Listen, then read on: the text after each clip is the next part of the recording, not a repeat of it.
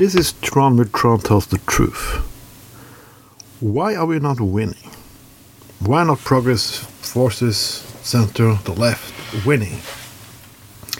We have all the signs. We know that we're right. Blah, blah, blah, blah, and so on. Well, let me tell you why. We are not likable. Sometimes people have to go out their own head, wash themselves from all the, of the view, and just understand that we are often not likable. We're not the group who have fun. We don't nearly don't laugh. We're so fucking organized. We are so conceptual being perfect, saying the perfect thing, writing in the perfect way that we are fucking disgusting sometimes. I'm starting to think about this more and more. During my nomination process for my political party here in Bergen, I was confronted with this segment. Tron tells the truth. I was also presented with another podcast I have. Well, we have dirty humor. We make a fictional world. Like, call artistic, I don't know. I just call it humorous. How you people can escape. That's what we do. Escape. Some seriousness and a lot of dirty, crazy humor. We never kick down. We kick up. And make fun of each other. That's what we do. It's called humor. But now, that is a problem. I will probably not represent my party anymore.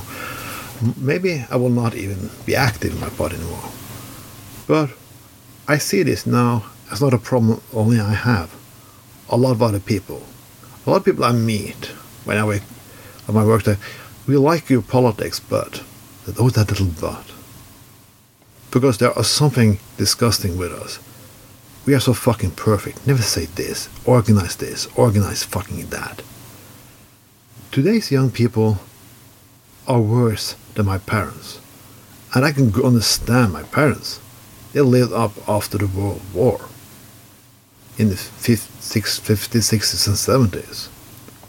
I was self born in 75. They had a reason because they come from the old world. When I was young in the in the 90s, we had to loosen up a little.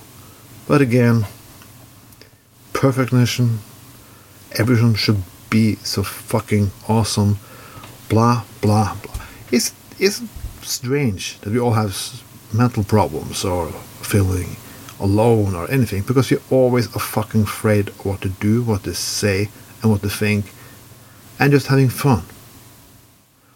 I would not. If you think this is support by harassing people online, you don't understand the concept. Sometimes we have to loosen up.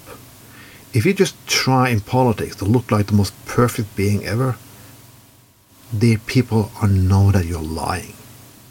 Because those people don't exist. People who've been working on long labor, who've been working in healthcare or so many other wor- jobs, who have hard work, who see part of life that people only see in drama on TVs. I don't want to see a perfect human being necessarily. I want to see people who try and do a good job. Because life isn't perfection. The only thing we always criticize people who try to put Botox and we always talk, we talk about natural beauty and natural this and natural that. What about natural humans? Are they not welcome anymore?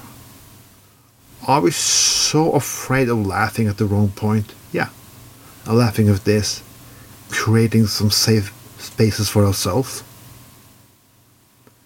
I know why my party and my fellow politicians don't get votes. They don't. I try to explain it to them. They don't listen. People like me are just vulgar assholes who say the things. The, the generation of George Carlins and Lenny Bruce's and so on. We cannot be liked. We have to hide away. We are all fards who don't understand. Well, to young people today, I can get it that you are on into a certain age. But you over reach over the age of 20, and you've been living outside your parents' home for a while, you should see the world a little different.